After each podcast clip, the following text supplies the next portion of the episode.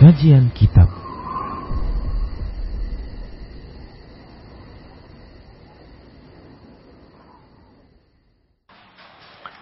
Bismillah, Assalamualaikum warahmatullahi wabarakatuh. Innal hamdalillah nahmaduhu wa nasta'inuhu wa nastaghfiruh wa na'udzu billahi min shururi anfusina wa min sayyiati a'malina. Man yahdihillah fala mudhillalah wa man yudlilhu fala hadiyalah. Wa ashhadu an la ilaha illallah wahdahu la syarika lah.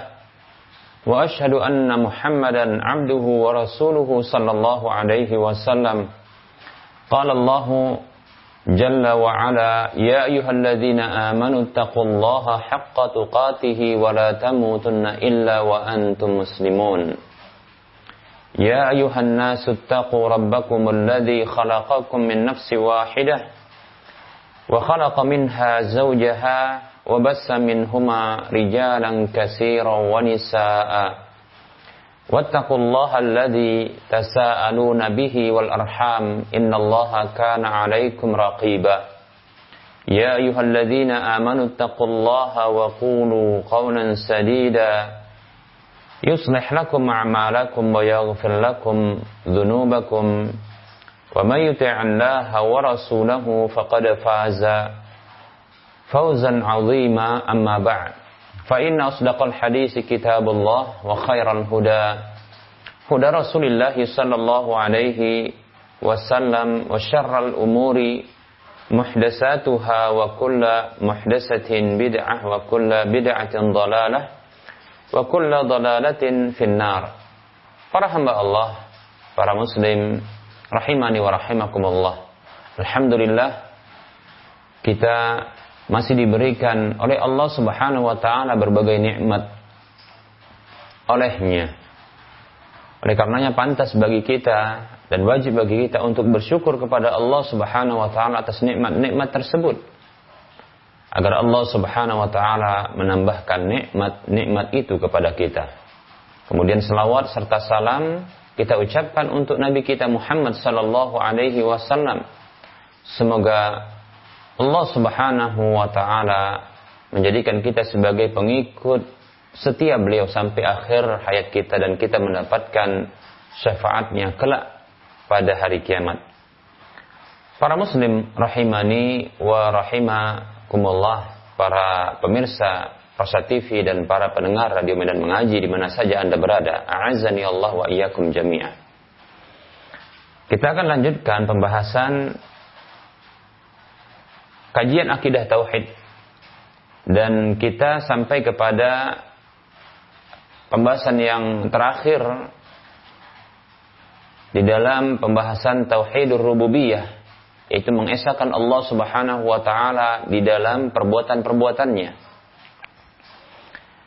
Ada ungkapan para ulama yang mengatakan bahwasanya tauhidur rububiyyati yastalzimu tauhidal uluhiyyati. Kita ulangi, tauhidur rububiyyati yastalzimu tauhida al-uluhiyyati, ay tauhida al-ibadati. Tauhid rububiyah itu menuntut mengharuskan adanya tauhid uluhiyah atau tauhid ibadah. Apa maksud dari penjelasan ulama ini? Bahwasanya seseorang yang telah mengakui bahwasanya Allah Subhanahu wa taala esa di dalam perbuatan-perbuatannya. Allah Subhanahu wa taala satu-satunya zat di dalam perbuatan-perbuatannya. Di mana Allah Subhanahu wa taala diyakini bahwa dialah satu-satunya pencipta bahwa dialah pencipta segala sesuatu dari tiada menjadi ada. Kemudian mengakui bahwa Allah Subhanahu wa taala pengatur jagat raya, penguasanya, pemberi rezeki dengan berbagai nikmat dan rizki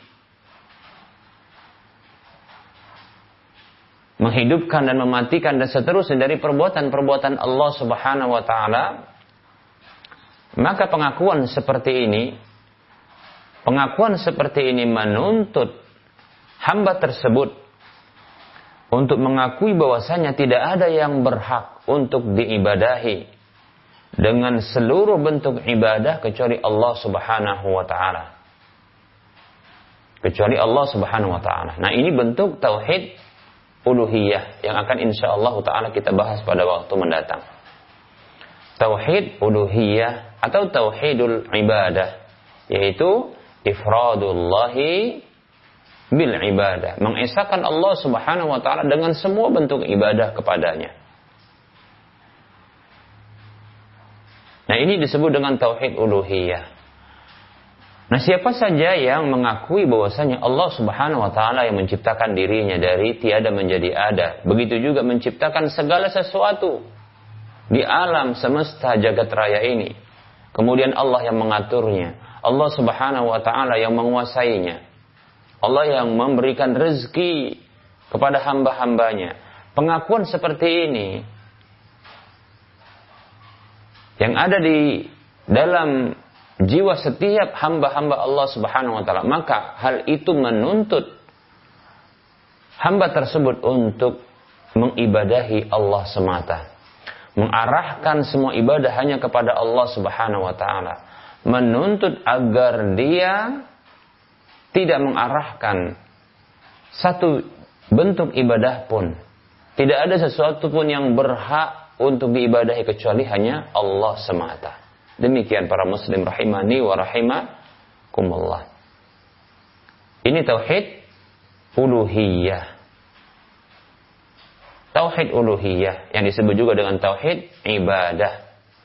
Demikian karena uluhiyah atau ilahiyah atau ibadah ya al ilah bermakna ma'bud ya al ilah bermakna ma'bud itu sesuatu yang diibadahi oleh karenanya tidak boleh mengarahkan satu bentuk pun ibadah kecuali hanya kepada Allah Subhanahu wa taala baik itu contohnya menyembelih begitu juga berdoa meminta pertolongan, beristighosah, bertawakal, bernazar, dan segala bentuk ibadah tidak boleh diarahkan kepada selain Allah Subhanahu wa taala. Karena Allah Subhanahu wa taala adalah zat yang berhak terhadap ibadah tersebut. Seperti yang pernah kita sebutkan bahwa Nabi kita Muhammad sallallahu alaihi wasallam beliau bersabda haqqullahi 'alal ibadi ayya'buduhu wa la yusyriku bihi syai'a. Kata Nabi sallallahu alaihi wasallam beliau bersabda haqqullahi 'alal ibadi hak Allah atas hambanya ayya'buduhu mereka beribadah kepada Allah Subhanahu wa taala wala yusyriku bihi syai'a dan mereka tidak berbuat syirik sedikit pun kepadanya. Nah, para muslim rahimani wa rahimakumullah. Ini hak Allah Subhanahu wa taala. Dialah yang berhak untuk diibadahi. Dan ini logis para muslim rahimani warahmatullah. Keterangan para ulama ini, ini logis, masuk akal. Sesuai dengan logika kita. Tauhid rububiyah mengesahkan Allah subhanahu wa ta'ala di dalam perbuatan-perbuatannya. Maka itu menuntut seorang hamba untuk mengibadahi Allah, mengesahkan Allah di dalam ya, ibadah kepada Allah Subhanahu wa taala.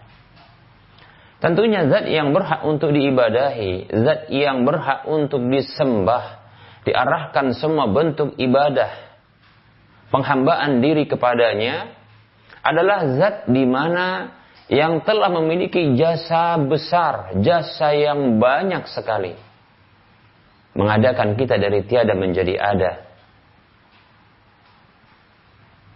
Menciptakan kita, menghidupkan kita, memberikan berbagai nikmat kepada kita. Memberikan rezeki kepada kita, mengatur kehidupan kita. Yang menguasai jagat raya. Ini logis. Nah ini masuk akal. Demikian. Dan tidak logis serta tidak masuk akal adalah mengibadahi sesuatu yang tak memiliki jasa sedikit sedikit pun kepada kita atau tidak memiliki kemampuan kemampuan seperti kemampuan yang dimiliki oleh Allah Subhanahu wa taala di dalam perbuatan-perbuatannya. mencipta saja tidak bisa. Ternyata juga mengalami kematian. Hidupnya pun merupakan pemberian. Dia pun diadakan. Bagaimana mungkin yang mengibadahi sesuatu yang ternyata sama, setara dengan kita. Bahkan mungkin lebih rendah ketimbang kita. Oleh karenanya tidak logis. Ya, tidak masuk akal, bahkan mungkin orang tersebut bisa dikatakan kehilangan akal atau tidak berakal. Ketika mengibadahi bebatuan, mengibadahi pepohonan, mengibadahi benda-benda mati, patung-patung yang disembah. Ini tidak logis. Bagaimana patung tersebut disembah padahal dia pun ya dipelihara, dijaga, bahkan dia dibuat. Dia tidak bisa menghidupkan, apalagi mematikan, karena dia pun benda mati. Demikian. Dia tidak bisa menghela lalat yang menempel pada fisiknya. Ya. Atau tidak bisa menghindar dari mungkin ya sarang laba-laba yang laba-laba mungkin hinggap lalu membuat sarang di sekitarnya. Begitu juga tidak bisa menghindar dari kotoran burung yang mungkin burung sedang lewat atau menempel di kepalanya. Lalu lantas ya membuang kotoran. Dia tidak bisa untuk menghindari hal tersebut. Lalu bagaimana yang seperti ini bisa diibadahi dan disembah? yang tidak bisa memiliki kemanfaatan dan kemudaratan bahkan tidak bisa juga menghindarkan kemudaratan yang menimpa dirinya bahkan ya, orang yang menyembahnya yang malah yang memberikan kemanfaatan untuknya. Selalu dibersihkan. Ya. Selalu diberikan wewangian. Seperti itu. Ya. kotoran-kotoran pun di dibersihkan disucikan darinya. Nah ini tidak masuk akal.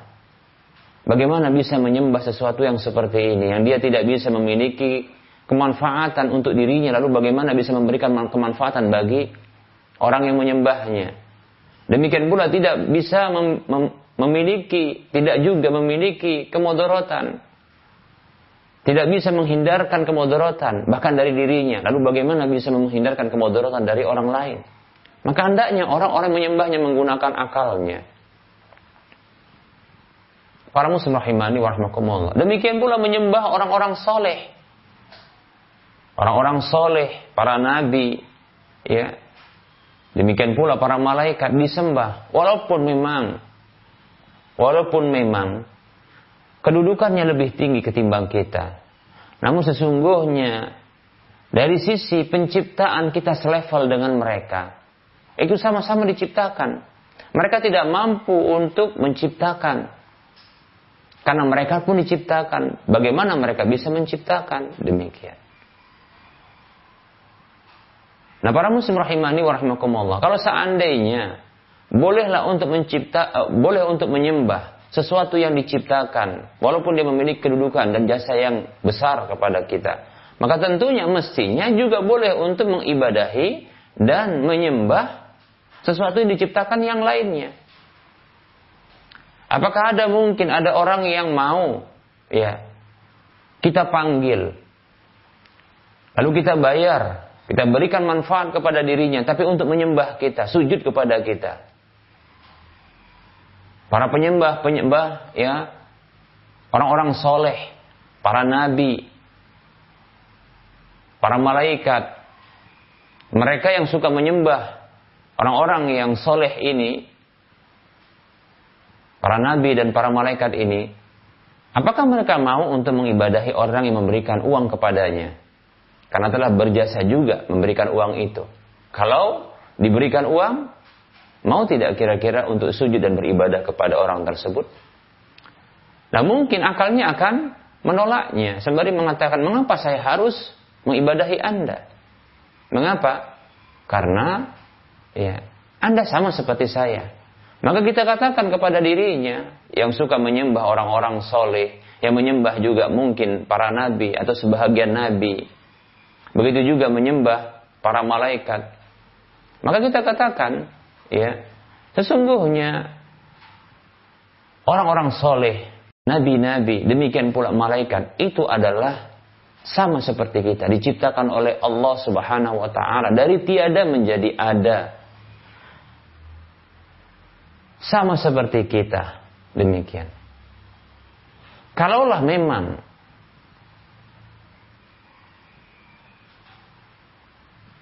boleh untuk mengibadahi mereka maka boleh juga untuk beribadah kepada kita. Seandainya boleh. Tapi ketika dia mampu untuk menjawab bahwasanya untuk apa saya mengibadahi Anda? Karena kita sama, maka kita katakan juga demikian kepadanya bahwasanya untuk apa Anda mengibadahi orang-orang soleh, orang-orang yang dikeramatkan, nabi, nabi, para malaikat. Untuk apa beribadah kepada mereka? Bahkan mereka sendiri pun tidak ingin diibadahi. Karena mereka juga beribadah kepada Allah Subhanahu wa taala. Demikian. Mereka tidak bisa mencipta, bahkan mereka dicipta. Demikian para muslim rahimani warahmatullah. Oleh karenanya, ya, oleh karenanya zat yang lep, yang pantas, zat yang masuk akal untuk bisa diibadahi adalah zat yang dia bisa mencipta. Zat yang telah menciptakan segala sesuatu ini. Ia mengatur segala sesuatu ini dan menguasai segala sesuatu ini. Dialah Allah Subhanahu wa taala. Demikian. Tidak boleh diarahkan satu ibadah pun kepada selain Allah Subhanahu wa taala. Tidak ada satu pun yang berhak untuk diibadahi kecuali zat yang dia telah menciptakan tersebut. Zat yang telah mengatur jagat raya zat yang menguasai jagat raya ini alam semesta yaitu Allah Subhanahu wa taala. Jadi mengesahkan Allah Subhanahu wa taala dalam perbuatan-perbuatannya. Maka pengakuan seperti ini menuntut setiap hamba untuk mengarahkan, mengesahkan Allah Subhanahu wa taala di dalam ibadah demikian. Jadi tauhid rububiyah, mengesahkan Allah di dalam perbuatan-perbuatannya, itu merupakan bukti untuk mengesahkan Allah Subhanahu wa taala di dalam ibadah. Oleh karenanya kita dapatkan Allah Subhanahu wa taala banyak berdalil. Banyak berdalil untuk mengajak para hamba-hambanya mengibadahi dirinya dengan pengakuan mereka bahwa Allah Subhanahu wa taala adalah satu-satunya zat ya di dalam perbuatan-perbuatannya. Allah Subhanahu wa taala berdalil berhujjah, berhujjah dengan tauhid rububiyah. Pengesaan Allah Subhanahu wa taala di dalam perbuatan-perbuatannya. Allah berhujjah dengan ini.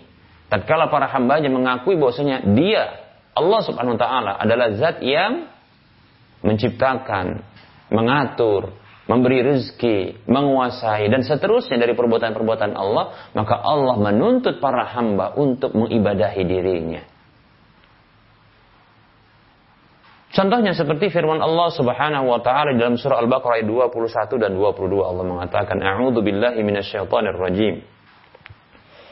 يا أيها الناس اعبدوا ربكم الذي خلقكم والذين من قبلكم لعلكم تتقون الذي جعل لكم الأرض فراشا والسماء بناء وأنزل من السماء ماء فأخرج به من الثمرات رزقا لكم فلا تجعلوا لله أندادا وأنتم تعلمون.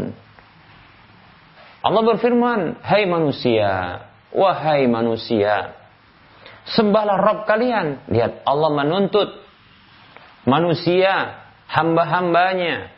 Allah tuntut untuk menyembah. Sembahlah oleh kalian Rob, Rob kalian. Rob kalian. Disebutkan Rob. Apa itu Rob? Yaitu zat yang memiliki sifat-sifat rububiyah. Yang mencipta, mengatur, menguasai jagat raya. Allah mengatakan, "Wahai manusia, sembahlah Rabb kalian yang telah menciptakan kalian dan telah menciptakan orang-orang sebelum kalian agar kalian bertakwa, agar kalian taat kepadanya, melaksanakan semua perintah-perintahnya dan menjauhi larangan-larangannya. Ini tuntutan Allah Subhanahu wa taala. Allah berhujjah dengan tauhid rububiyah yaitu pengakuan terhadap pengesaan Allah Subhanahu wa taala, keesaan terhadap keesaan Allah Subhanahu wa taala di dalam perbuatan-perbuatannya. Allah tuntut hamba-hambanya tersebut untuk mengibadahi dirinya, mengarahkan ibadah hanya kepadanya, yaitu tauhid ibadah, tauhidul uluhiyah. Demikian. Tidak sampai di sini bahkan Allah melanjutkan dengan mengatakan alladzi ja'ala lakumul arda firasya was samaa'a binaa'a wa anzala minas samaa'i maa'a Dialah Allah zat yang telah menjadikan untuk kalian bumi ini terbentang, langit ini sebagai atapnya. Dan Allah juga menurunkan dari langit air. Fa'akhraja bihi minas samarati rizqan lakum. Lalu dengannya, dengan air tersebut Allah subhanahu wa ta'ala menumbuhkan, mengeluarkan tanaman-tanaman yang menjadi rezeki sebagai rezeki bagi kalian berbagai tanaman, makanan-makanan yang kita rasakan. Itu sebagai rezeki. Lihat di sini Allah menanggung rezeki. Nah pengakuan seperti ini maka dituntut oleh Allah Subhanahu wa taala agar diarahkan ibadah hanya kepadanya. Oleh karenanya Allah mengatakan di akhir dari ayat yang ke-22 dari surah Al-Baqarah ini, "Fala taj'alu lillahi andada wa antum ta'lamun." Maka janganlah kalian jadikan tandingan-tandingan lain bagi Allah Subhanahu wa taala yang maksudnya disembah diibadahi. Wa antum ta'lamun sementara kalian mengetahui. Mengetahui apa? Mengetahui bahwasanya Allah Subhanahu wa taala yang telah memberikan rezeki tersebut. Allah yang sebelumnya menciptakan, mengadakan kalian dari tiada menjadi ada, lalu memberikan rezeki, memberikan fasilitas hidup, bumi terbentang, tidak bergoncang, langit sebagai atapnya, demikian. Para muslim rahimani wa rahimakumullah. Kita tahu bahwa tidak ada Tuhan, tidak ada zat yang mencipta kecuali Allah. Kita tahu bahwasanya tidak ada yang memberikan rezeki kecuali Allah, yang menanggung rezeki kecuali Dia. Tidak ada yang menguasai jagat raya, yang mengatur alam semesta kecuali Dia, Allah Subhanahu wa taala. Kita tahu itu. Maka jangan jadikan Allah menuntut, jangan jadikan tandingan-tandingan yang lain yang disembah selain Allah Subhanahu wa taala. Demikian. Tuntutan Allah. Inilah dia tauhid rububiyah menuntut mengharuskan mentauhidkan Allah di dalam uluhiyah, dalam ibadah. Demikian para muslim rahimani wa rahimakumullah. Dalam ayat ini Allah Subhanahu wa taala memerintahkan manusia untuk mengesahkan Allah, menunggalkan Allah di dalam ibadah, mengarahkan semua ibadah hanya kepada Allah Subhanahu wa taala. Dan Allah berhujjah, berdalil dengan tauhid rububiyah, yaitu pengakuan manusia para hamba tersebut bahwa Allah satu-satunya zat di dalam perbuatan-perbuatannya, di dalam penciptaan, di dalam pengaturan, di dalam penguasaan. Demikian. Allah Subhanahu wa taala yang menciptakan manusia yang pertama dan yang terakhir Allah menciptakan langit dan bumi sebagai fasilitas bagi kehidupan manusia ini. Demikian. Demikian pula Allah menciptakan apa saja yang ada di antara keduanya. Kemudian Allah Subhanahu wa taala yang mempergilirkan malam dengan siang, siang dengan malam menumbuhkan tanaman-tanaman yang itu menjadi rizki bagi manusia. Demikian para muslim rahimani warahmatullah. Oleh karenanya tidak layak mereka itu beribadah kepada selain Allah. Tidak layak mereka itu mengarahkan ibadah itu kepada siapa saja dan apa saja kecuali hanya kepada Allah semata. Demikian. Karena mereka mengetahui Allah yang telah menciptakan, Allah yang telah mengatur, Allah yang telah menguasai segala sesuatu alam semesta, jagat raya ini. Demikian para muslim rahimani wa rahimakumullah. Nah, oleh karenanya, ya, bentuk logis tadi sudah kita katakan, sesuatu yang logis merupakan bentuk ya metode ya yang sesuai dengan logika dan fitrah manusia adalah menetapkan keberhakan di dalam ibadah itu dengan berdalil berhujjah dengan keesaan Allah Subhanahu wa taala di dalam perbuatan-perbuatannya. Di dalam penciptaan, di dalam pengaturan, pemberian rezeki dan penguasaan alam semesta jagat raya ini. Demikian para muslim rahimani warahmatullah.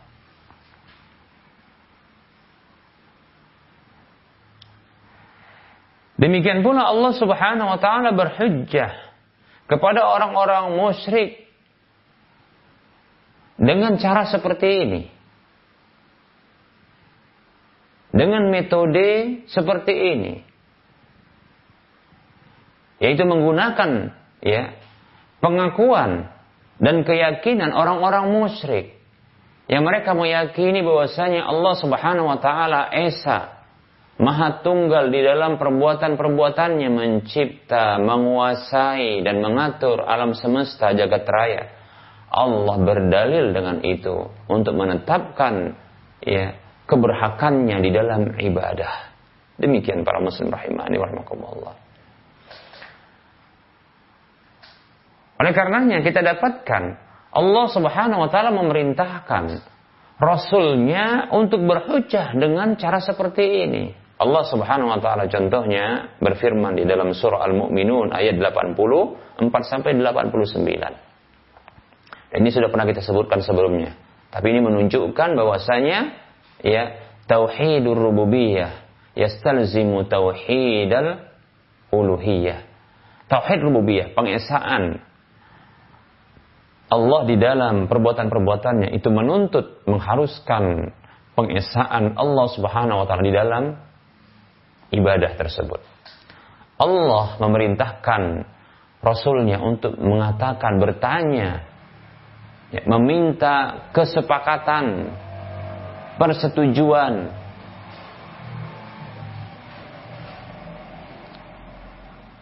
kepada orang-orang musyrik yang didakwahi oleh Rasul tersebut. Allah berfirman di dalam surah Al-Mu'minun ayat 84 sampai 89. A'udzu billahi minasyaitonir rajim. Qul limanil ardu wa man fiha in kuntum ta'lamun. Sayaquluna lillahi qul afala tadhakkarun. Qul man rabbus samawati sab'i wa rabbul arsyil azim. Sayaquluna lillah qul afala tattaqun. Qul man biyadihi malakutu kulli syai'in wa huwa yujiru wa la yujaru alaihi in kuntum ta'lamun. Sayaquluna lillah qul fa anna tusharun.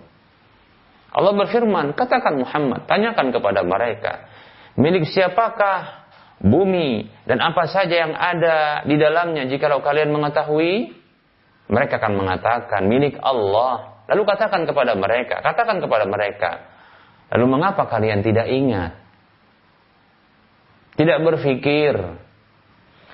Tanyakan kepada mereka, siapakah Rob?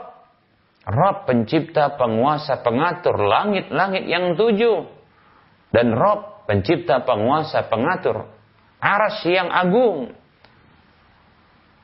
Mereka akan mengatakan itu milik Allah. Allah semuanya. Ya. Katakan kepada mereka lalu mengapa kalian tidak bertakwa tidak taat kepada Allah tidak melaksanakan perintahnya tidak menjauhi larangannya malah menyembah selainnya katakan Muhammad SAW kepada mereka Siapakah yang ada di tangannya? Kerajaan-kerajaan segala sesuatu. Kekuasaan-kekuasaan segala sesuatu. Dan dia yang melindungi dan tidak ada yang bisa berlindung darinya. Jikalau kalian mengetahui, mereka akan mengatakan, Allah, milik Allah. Katakan kepada mereka, lalu mengapa kalian dipalingkan? Mengapa bisa dipalingkan dari pengakuan bahwasanya Allah Subhanahu wa taala ini adalah zat satu-satunya zat di dalam perbuatan-perbuatannya. Lalu mengapa kalian bisa dipalingkan untuk beribadah kepada selain Allah Subhanahu wa taala? Demikian para muslim rahimani wa rahimakumullah. Demikian pula Allah Subhanahu wa taala berfirman dalam surah Al-An'am ayat 102 Allah mengatakan a'udzu billahi minasyaitonir rajim. Dzalikumullahu rabbukum la ilaha illa huwa khaliqu kulli syai'in fa'buduh. Yang demikian itu adalah Allah Rabb kalian. Allah Rabb kalian. Allah Rabb kalian. Rabb yaitu zat yang mencipta, menguasai, mengatur, memberi rezeki dan seterusnya dari perbuatan-perbuatan. Allah Subhanahu wa taala. Tidak ada sesembahan yang berhak disembah kecuali Dia. Lihat, Allah berhujah. Ya. Allah berhujah. Allah katakan itu adalah Allah Rabb kalian. Lalu tidak, lalu Allah menuntut la ilaha illahu. Tidak ada sesembahan yang berhak disembah kecuali Dia. Lalu Allah katakan lagi tentang ya, tentang rububiyahnya. Khaliqu kulli dialah pencipta segala sesuatu. Maka sembahlah dia. Lihat. Allah Subhanahu wa taala berhujjah.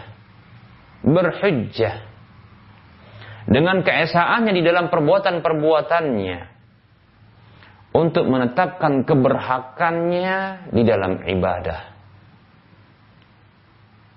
Para muslim rahimani wa. Tauhid. Rububiyah. Yang diakui oleh setiap manusia, setiap hamba. Yang mereka mengakui Allah satu-satunya di dalam perbuatan-perbuatannya, mencipta, menguasai, mengatur, menghidupkan, mematikan, memberi rezeki, mempergilirkan siang dengan malam, memberi manfaat, menolak mudarat, demikian. Dan seterusnya dari perbuatan-perbuatan Allah. Keyakinan pengakuan seperti ini menuntut setiap hamba untuk mengarahkan ibadah itu hanya kepada Allah. Mengesahkan Allah di dalam ibadah. Demikian.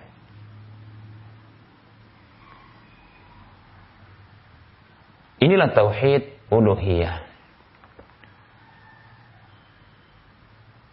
Yaitu mengesahkan Allah subhanahu wa ta'ala di dalam ibadah. Oleh karenanya Allah Subhanahu wa taala menuntut atau Allah Subhanahu wa taala menjadikan tujuan dari penciptaan jin dan manusia itu adalah untuk beribadah kepada Allah Subhanahu wa taala. Allah berfirman dalam surah Az-Zariyat ayat 56 Allah mengatakan a'udzu billahi minasyaitonir rajim khalaqtul jinna wal insa illa liya'budun dan tidaklah aku ciptakan jin dan manusia. Melainkan agar mereka beribadah kepadaku. Allah ciptakan jin manusia dan manusia. Jin dan manusia. Allah ciptakan jin dan manusia. Lihat di sini Allah Subhanahu wa taala memiliki kemampuan mencipta. Maka ini mengharuskan agar mereka beribadah kepada Allah semata. Demikian. Ya'budun. Dalam ayat ini agar mereka beribadah kepadaku. Liya'budun. Agar mereka beribadah kepadaku maksudnya adalah mengesahkan aku di dalam ibadah. Demikian.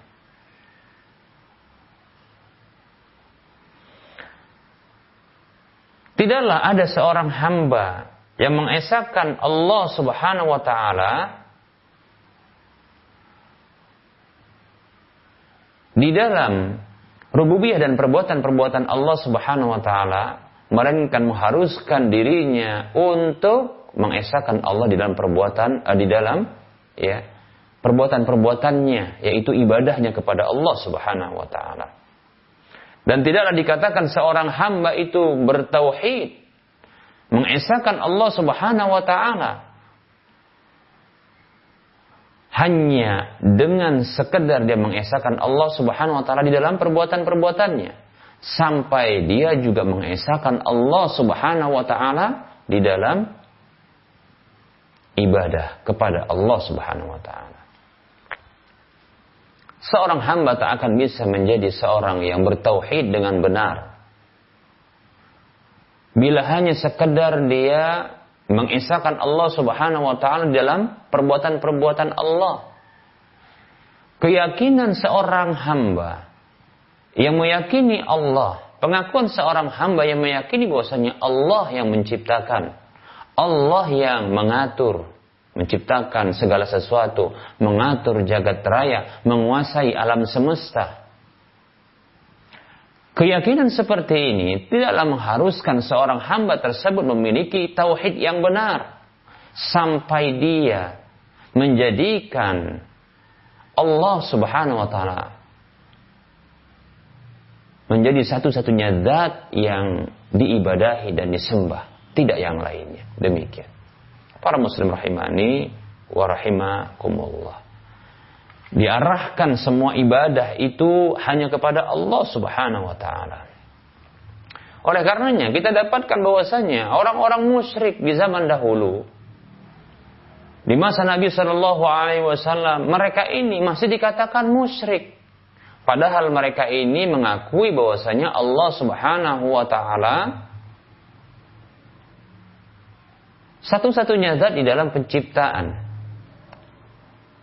Bahkan mereka mengakui Allah Subhanahu wa taala sebagai pencipta mereka.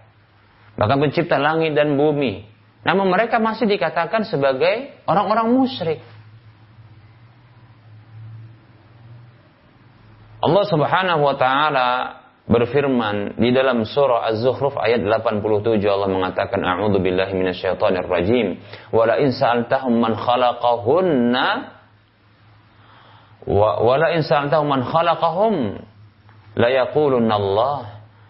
Dan sungguh bila engkau tanyakan kepada mereka wahai Muhammad sallallahu alaihi wasallam, mereka inilah orang-orang musyrik, ya. Siapakah yang telah menciptakan mereka? Maka mereka akan mengatakan sungguh mereka akan benar-benar mengatakan Allah.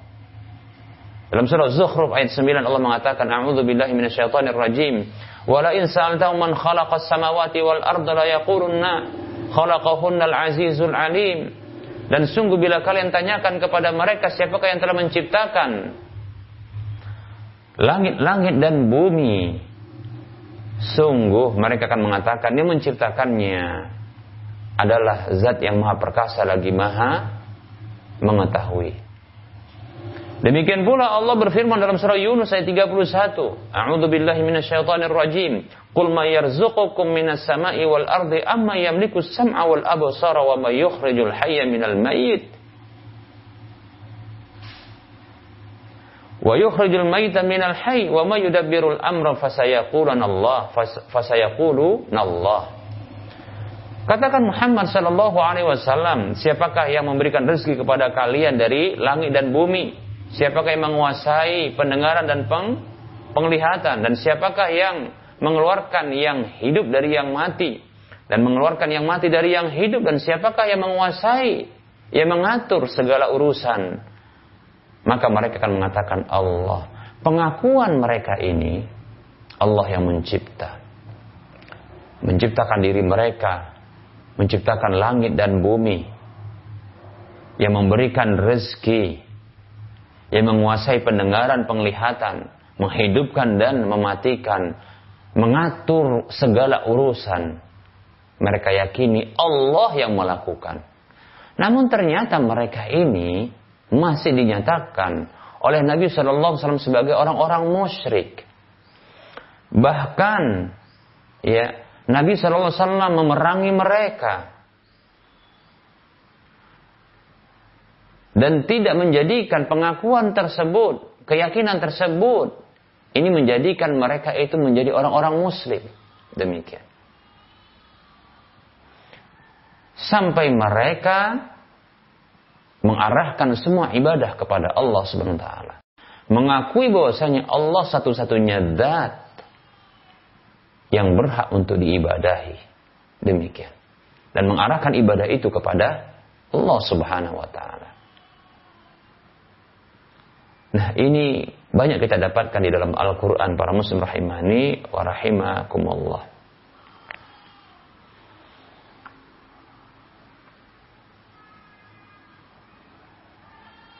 Nah, para muslim rahimani wa rahimakumullah. Oleh karenanya siapa saja yang menyangka bahwasanya tauhid itu adalah mengakui wujudnya Allah, Allah itu ada, mengakui bahwasanya Allah pencipta, ya, yang berwenang di alam semesta. Allah ini mengatur jagat raya, mengatur segala urusan, menguasai alam semesta. Maka, ya, keyakinan seperti ini atau prasangka seperti ini merupakan ya bentuk kurangnya ya dia di dalam pengetahuan terhadap tauhid kepada Allah Subhanahu wa taala. Orang tersebut bukanlah orang yang mengetahui tauhid secara hakiki. Tauhid di mana para rasul dahulu menyeru umatnya untuk melakukannya, untuk memenuhi ya tauhid tersebut mengajak manusia untuk mentauhidkan Allah dalam hal ini. Demikian. Jadi ini yang mesti kita ketahui. Tauhid bukan hanya di dalam ya tauhidur rububiyah. Bukan hanya mengakui Allah itu ada. Bukan hanya sekedar mengakui Allah Subhanahu wa taala itu mencipta, menguasai, merajai, mengatur segala urusan di alam semesta jagat raya ini. Bukan hanya ini. Kalau dia membatasi tauhid hanya seperti ini sungguh, ya, maka orang tersebut adalah orang yang tidak mengetahui tauhid, hakikat tauhid yang diseru ya, oleh para rasul, utusan-utusan Allah yang menyeru, mengajak manusia kepadanya, kepada tauhid tersebut. Nah, para muslim rahimani wa rahimakumullah.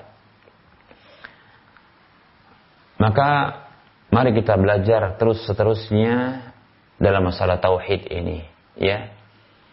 Tidak akan sempurna tauhid seorang hamba sampai dia mengenal mengenali tauhidu al-ibadah, tauhid uluhiyah, tauhid ilahiyah, demikian pula tauhid nama dan sifat Allah Subhanahu wa taala. Demikian para muslim rahimani wa rahimakumullah.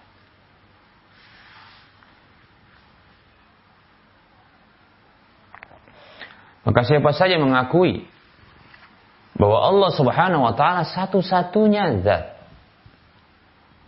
di dalam ibadah, maaf, dalam rububiyah yaitu perbuatan-perbuatan Allah Subhanahu wa taala maka wajib bagi dirinya untuk mengibadahi Allah Subhanahu wa taala sebagai bentuk kesyukuran terhadap Allah Subhanahu wa taala. Maka dia harus bersyukur, dia harus bersyukur kepada Allah Subhanahu wa taala dengan beribadah kepadanya.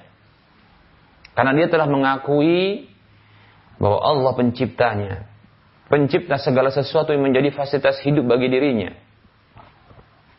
Yang memberikan rezeki kepada kepadanya, memberikan berbagai nikmat kepada dirinya, maka wajib bagi dirinya untuk bersyukur kepada Allah Subhanahu wa taala dengan beribadah kepadanya. Ya. Satu-satunya dia dan tidak ya dan tidak mengarahkan ibadah tersebut kepada selainnya. Demikian para muslim rahimani wa rahimakumullah.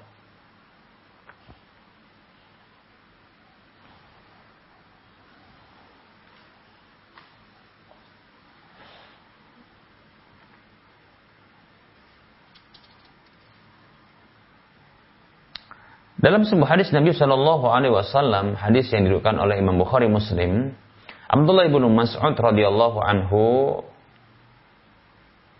pernah mengatakan kepada Rasulullah Shallallahu Alaihi Wasallam, Ya Rasulullah, ayu dzambi akbaru indallahi.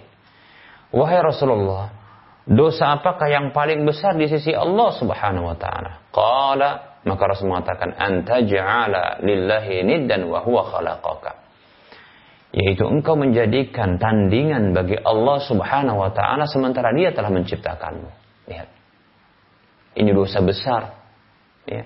Dosa besar kepada Allah Subhanahu wa taala. Ya. Menjadikan ya tandingan bagi Allah Subhanahu wa taala, menjadikan tandingan lain selain Allah ya bagi Allah Subhanahu wa taala. Sementara kita tahu ya Allah menciptakan kita. Kita arahkan ibadah kepada selain Allah Subhanahu wa taala. Ini merupakan bentuk dosa besar.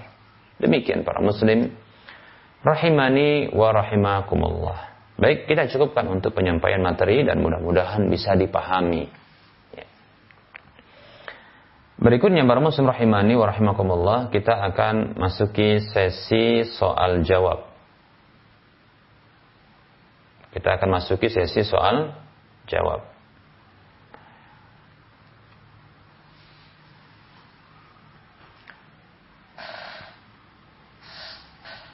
Assalamualaikum Ustaz.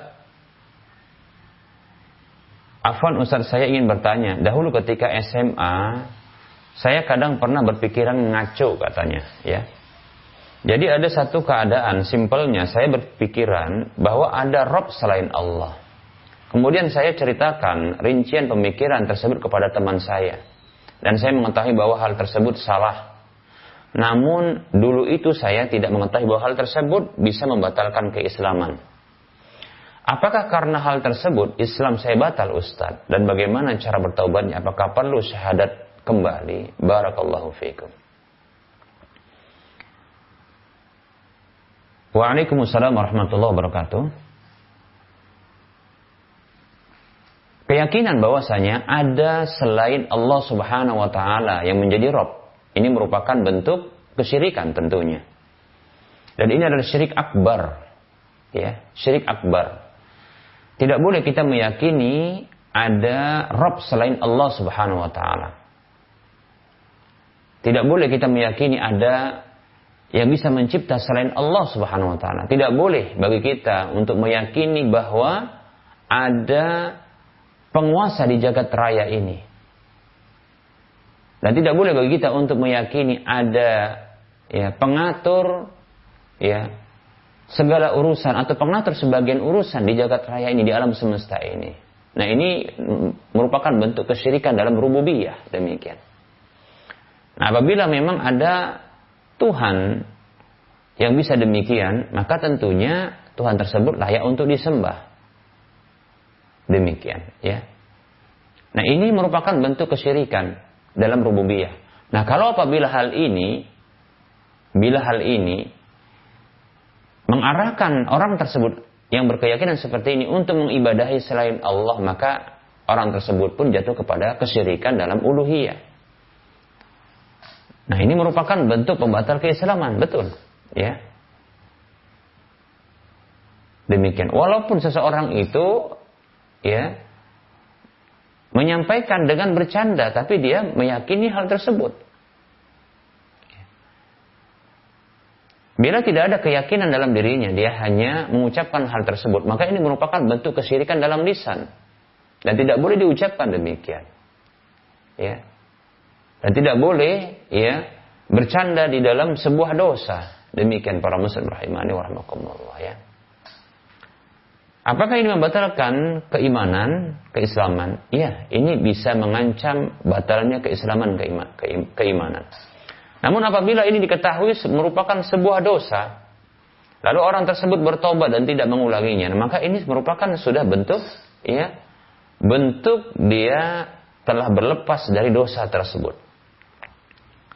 Bila sudah diakui ini sebuah kesalahan, ya, dan tentunya bila belum mengakuinya, maka bertobatlah, segera bertobat kepada Allah Subhanahu wa taala. Apakah harus bersyahadat lagi? Maka ya saya yakini bahwasanya orang yang melakukan demikian itu telah melakukan sholat. Dalam sholat itu dia telah bersyahadat. Apakah harus dipersaksikan? Maka tidak perlu dipersaksikan oleh orang banyak. Ya. Nah, apabila dia bertobat hanya dirinya dengan Allah Subhanahu wa taala atas kesalahan tersebut, maka itu sudah cukup. Ya. Karena Allah adalah saksi atas segala sesuatu. Demikian, ya. Seperti itu. Dan sudah cukup ya dengan taubat ya kepada Allah Subhanahu wa taala.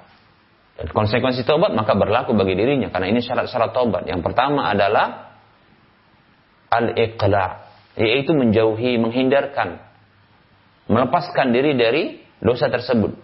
Kemudian yang kedua adalah ya an-nadam yaitu menyesal atas dosa tersebut. Menyesal atas dosa. Itu merupakan bentuk kesyirikan, maka harus disesali. Kemudian baru al-azmu bertekad untuk tidak mengulangi di waktu yang akan datang. Demikian. Kemudian berikutnya adalah mengiringi dengan kebaikan-kebaikan, ya, seperti itu. Oleh karenanya, mari terus belajar tauhid, ya, tauhid dengan ya rinciannya dan penjelasannya. Demikian wallahu taala a'lam.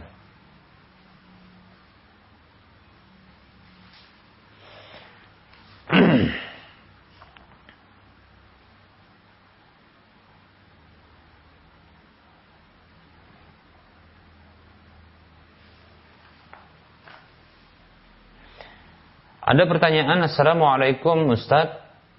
Semoga Ustaz dan keluarga sehat walafiat dalam rahmat dan lindungan Allah Subhanahu wa taala. Jalla jalaluh. Amin ya rabbal alamin. Wa antum kadzalik.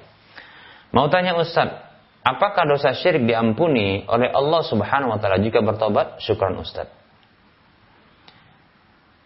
Kita jawab Waalaikumsalam warahmatullahi wabarakatuh. Semoga Allah Subhanahu wa taala juga merahmati dan melindungi Anda dan keluarga. Amin ya rabbal alamin. Seluruh dosa termasuk dosa kesyirikan, dosa kekufuran, maka bila ditaubati, maka Allah Subhanahu wa taala akan mengampuni. Allah Subhanahu wa taala berfirman Allah Subhanahu wa taala mewahyukan kepada rasulnya untuk mengatakan ya yatubullah yatubullahu man taba. Allah Subhanahu wa taala ya menerima taubat orang-orang yang bertaubat kepadanya.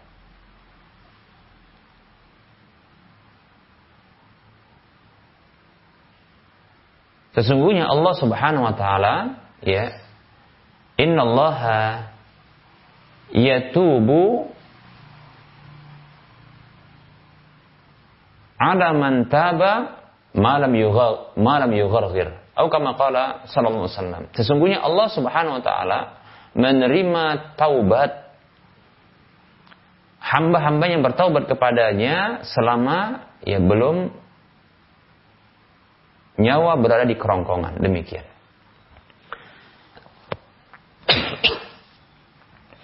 Atau dalil-dalil dari Al-Quran maupun hadis Nabi SAW yang semakna dengan hal ini itu Allah Subhanahu wa taala menerima taubat siapa saja yang bertaubat kepadanya. Demikian. Kita dapatkan juga para umat atau orang-orang yang didakwahi oleh Nabi ya Nabi kita Muhammad Shallallahu Alaihi Wasallam demikian pula ya para Nabi dan Rasul terdahulu adalah mereka orang-orang yang jatuh ke dalam kesyirikan Orang-orang yang jatuh ke dalam kesyirikan.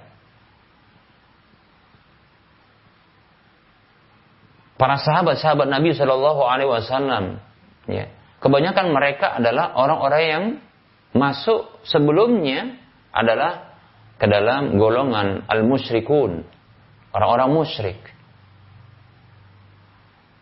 Seperti contohnya Umar sendiri radhiyallahu anhu adalah orang-orang yang berbuat kesyirikan kepada Allah Subhanahu wa taala.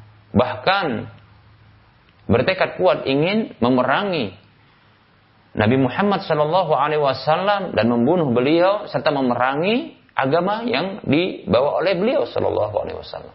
Demikian.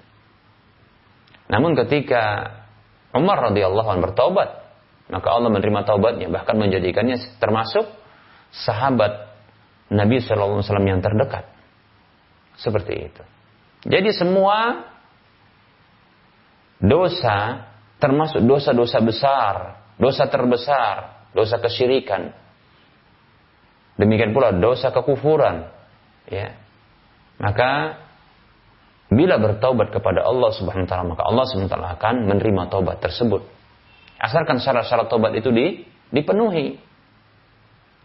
Meninggalkan ya dosa tersebut. Apa saja bentuk dosanya? Menyesal, kemudian bertekad untuk tidak mengulanginya. Lalu mengiringi dengan kebaikan-kebaikan, ketaatan-ketaatan di waktu berikutnya. Demikian, ya. Adapun firman Allah Subhanahu wa taala di dalam surah An-Nisa ayat 48 demikian pula 116 yang Allah Subhanahu wa taala berfirman, A'udzu billahi minasyaitonir rajim, "Innallaha la yaghfiru ay yushraka bihi wa yaghfiru ma duna dzalika liman yasha." Sesungguhnya Allah Subhanahu wa taala tidak mengampuni dosa kesyirikan kepadanya dan mengampuni dosa di bawah maduna apa saja yang di bawah Zalika itu dosa kesyirikan tersebut lima yasha bagi siapa saja yang dia kehendaki. Maksudnya dari ayat ini adalah ketika orang tersebut atau hamba tersebut bertemu dengan Allah Subhanahu wa taala sembari membawa dosa-dosa itu. Bila dosa kesyirikan itu dibawa bertemu dengan Allah Subhanahu wa taala tanpa ditaubati,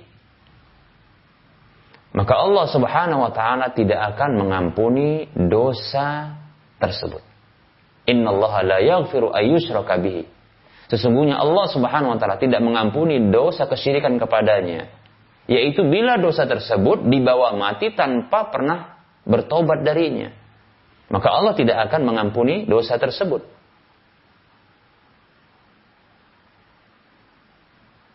Jadi ini ayat ini ini terkait dengan ketika bertemu dengan Allah tanpa bertobat darinya.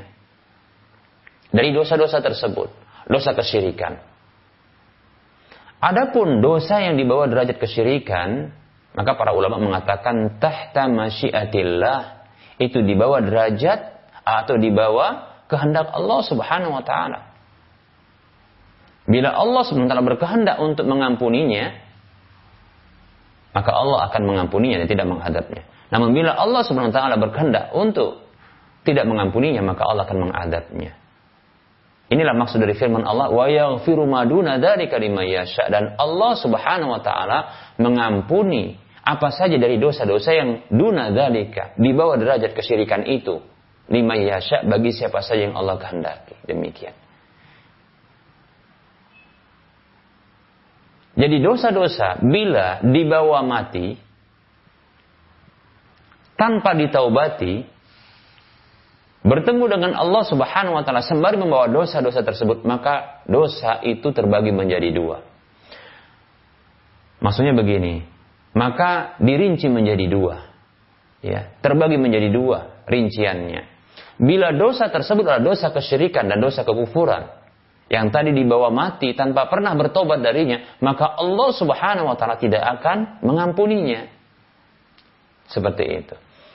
Namun, bila dosa-dosa lain yang berada di bawah derajat kesyirikan dan kekufuran, maka ini di bawah kehendak Allah Subhanahu wa taala. Bila Allah menginginkan untuk mengampuninya, maka Allah ampunkan dan tidak akan dianggap orang tersebut.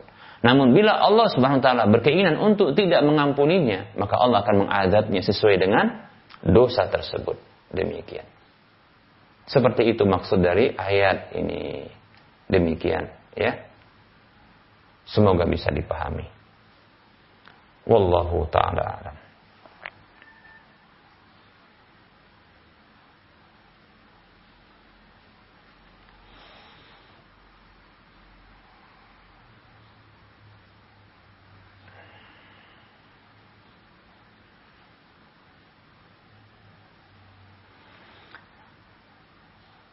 Baik, ini kita akan uh, jawab pertanyaan ada SMS ini. Namun ini pertanyaan kemarin ya. Kemarin tidak sempat saya uh, buka. Namun saya buka pertanyaan ini ternyata setelah ditutup kajian kita. Maka saya akan mencoba untuk menjawab pertanyaan ini, ya. Semoga ini bisa membawa manfaat bagi yang bertanya demikian pula yang mendengar selain dari penanya demikian. Ustadz bagaimana anak yang sudah dewasa namun tidak mau disuruh sholat? Apakah tidak diterima amal ibadah orang tuanya oleh Allah Subhanahu wa taala Ustadz karena anak tersebut tidak sholat?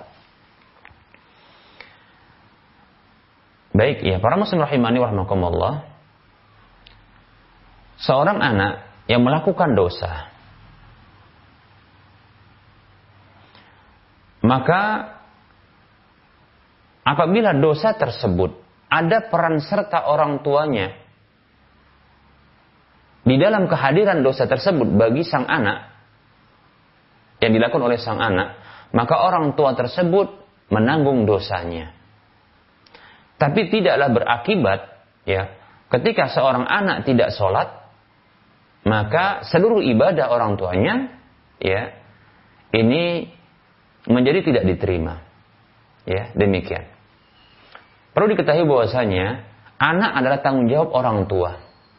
Kewajiban orang tua adalah mendidik anak-anaknya untuk taat kepada Allah Subhanahu wa taala untuk mengenali ya perintah-perintah Allah lalu anak pun diperintah untuk melakukannya dan membiasakannya melatihnya untuk bisa melakukannya sebagaimana ya mengajarkan kepada anak mengenalkan kepada anak larangan-larangan Allah. Lalu ya melarang anak darinya. Seperti itu. Karena itu merupakan bentuk pelanggaran ya seperti itu. Dan dibiasakan anak-anak untuk menjauhi larangan-larangan tersebut. Nah, para muslim rahimani wa rahimakumullah, Nabi kita Muhammad wasallam kita dapatkan ya mengajarkan kepada umat ini untuk mendidik anak semenjak dini. Terkait dengan masalah sholat secara khusus, Nabi wasallam pernah mengatakan, "Muru auladakum bis salati wa hum abna'u sab'i sinina. Kata Nabi SAW, perintahkanlah anak-anak kalian untuk sholat. Ketika mereka berusia tujuh tahun. Wadribuhum alaiha wahum abna'u asri sinina. Kata Nabi SAW, dan pukullah mereka bila mereka melalaikannya ketika mereka berusia 10 tahun. Wa farriqu bainahum fil madaji dan pisahkan mereka ya antara mereka pada tempat-tempat tidur mereka masing-masing. Demikian. Hadis yang sahih. Nah, ini pengajaran tentang sholat. Tujuh tahun diperintahkan untuk apa? Diperintahkan. Orang-orang tua untuk mendidik dan membiasakan anak-anaknya ya untuk bisa sholat di usia tujuh tahun, bahkan dalam bentuk perintah. Di usia sepuluh tahun baru diberikan hukuman bila melalaikannya. Demikian, seperti itu. Ini terkait dengan perintah. Terkait dengan larangan, Nabi Shallallahu Alaihi Wasallam pernah ya mengajarkan kepada Hasan, salah seorang cucu beliau, ya, radhiyallahu anhu ketika di usia masih kecil yang Hasan ini ya mengambil makanan berupa kurma namun dari harta sedekah. Rasulullah SAW melarang dengan ikh ikh ya. Keluarkan keluarkan. Itu maksudnya ikh itu adalah ungkapan untuk mengeluarkan ya sesuatu yang dimakan tersebut.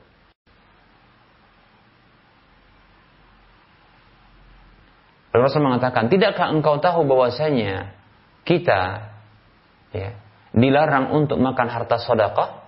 Karena memang Rasulullah dilarang oleh Allah sementara begitu juga keluarga beliau untuk makan harta sedekah. Demikian. Lihat, Rasul mengajarkan kepada ya, anak-anak semenjak dini melatih mereka untuk membiasakan meninggalkan larangan seperti itu. Demikian para muslim rahimani wa rahimakumullah semenjak dini. Nah, apabila hal ini di, di apa namanya diabaikan oleh orang tua kewajiban mendidik anak semenjak dini ini diabaikan oleh orang tua dan anak-anak ternyata terbiasa untuk meninggalkan ketika di usia balighnya meninggalkan sebuah perintah-perintah yang wajib bagi mereka karena ini diabaikan oleh orang tuanya. Begitu juga ternyata terbiasa melanggar larangan-larangan karena pengabaian orang tua. Maka orang tua menanggung juga dosa mereka. Karena ini merupakan bentuk apa? Manda'a ila dolalatin kana alaihi minal ismi mislu asami man tabi'ahu la yanqusu dhalika min asami syai'ah. Siapa saja yang mengajak membiarkan anak ini ya membiarkan anak ini untuk meninggalkan kewajiban-kewajiban dan membiarkan anak-anak ini untuk melanggar larangan-larangan ini merupakan bentuk pengajakan dibiarkan diabaikan hal seperti ini mengajak kepada kesesatan, maka dia mendapatkan dosa seperti dosa orang yang mengikutinya. Demikian. Namun ternyata apabila orang tuanya tidak mengabaikan, orang tuanya mendidiknya, seterusnya, sesuai dengan porsinya, perintah-perintah, kewajiban-kewajiban dibiasakan anak ini untuk melakukannya. Larangan-larangan dibiasakan anak-anak ini untuk meninggalkan. Demikian. Larangan dicegah, perintah ya disuruh anak untuk mengerjakannya. Sesuai dengan porsinya. Seperti itu. Nah, ketika sudah dewasa, ternyata anak tersebut karena pengaruh lingkungan contohnya, ada faktor ya, pengaruh lingkungan membuat anak ini meninggalkan kewajiban-kewajibannya atau melanggar larangan-larangan yang telah dilarang oleh orang tuanya maka orang tua tidaklah menanggung dosa tersebut. La taziru waziratu wizra ukhra. Seorang pendosa tidak menanggung dosa orang lain. Seperti itu. Demikian para muslim rahimani wa rahimakumullah. Lalu bagaimana bila ternyata orang tua sadar ketika anak-anaknya ini telah dewasa, telah balik, sadar tentang pendidikan, sadar akan kelalaian, tugas, kewajiban mendidik anak di waktu masih kecil. Maka untuk memutus dosa ini, maka kewajiban bagi orang tua adalah mendoakan kepada Allah untuk sang anak ini agar mendapatkan hidayah, petunjuk untuk taat kepada Allah Subhanahu wa taala untuk menjalankan semua perintah Allah dan menjauhi larangan, semua larangan Allah Subhanahu wa taala. Berdoa. Yang, ke yang kemudian kedua adalah ya, memberikan teladan kepada anak tersebut. Dengan orang tua tersebut melaksanakan semua perintah dan kewajiban yang Allah bebankan kepadanya. Memberikan teladan seperti itu. Demikian pula menjauhi larangan-larangan seperti itu. Teladan. Kalau laki-laki contohnya berarti dicontohkan oleh orang tua laki-laki untuk sholat ke masjid berjamaah demikian dicontohkan. Demikian pula bila ya orang tua wanita tersebut ya punya anak wanita maka dia mencontohkan dengan menutup auratnya ketika keluar rumah dengan menutup dengan pakaian yang sempurna demikian seperti itu. Demikian.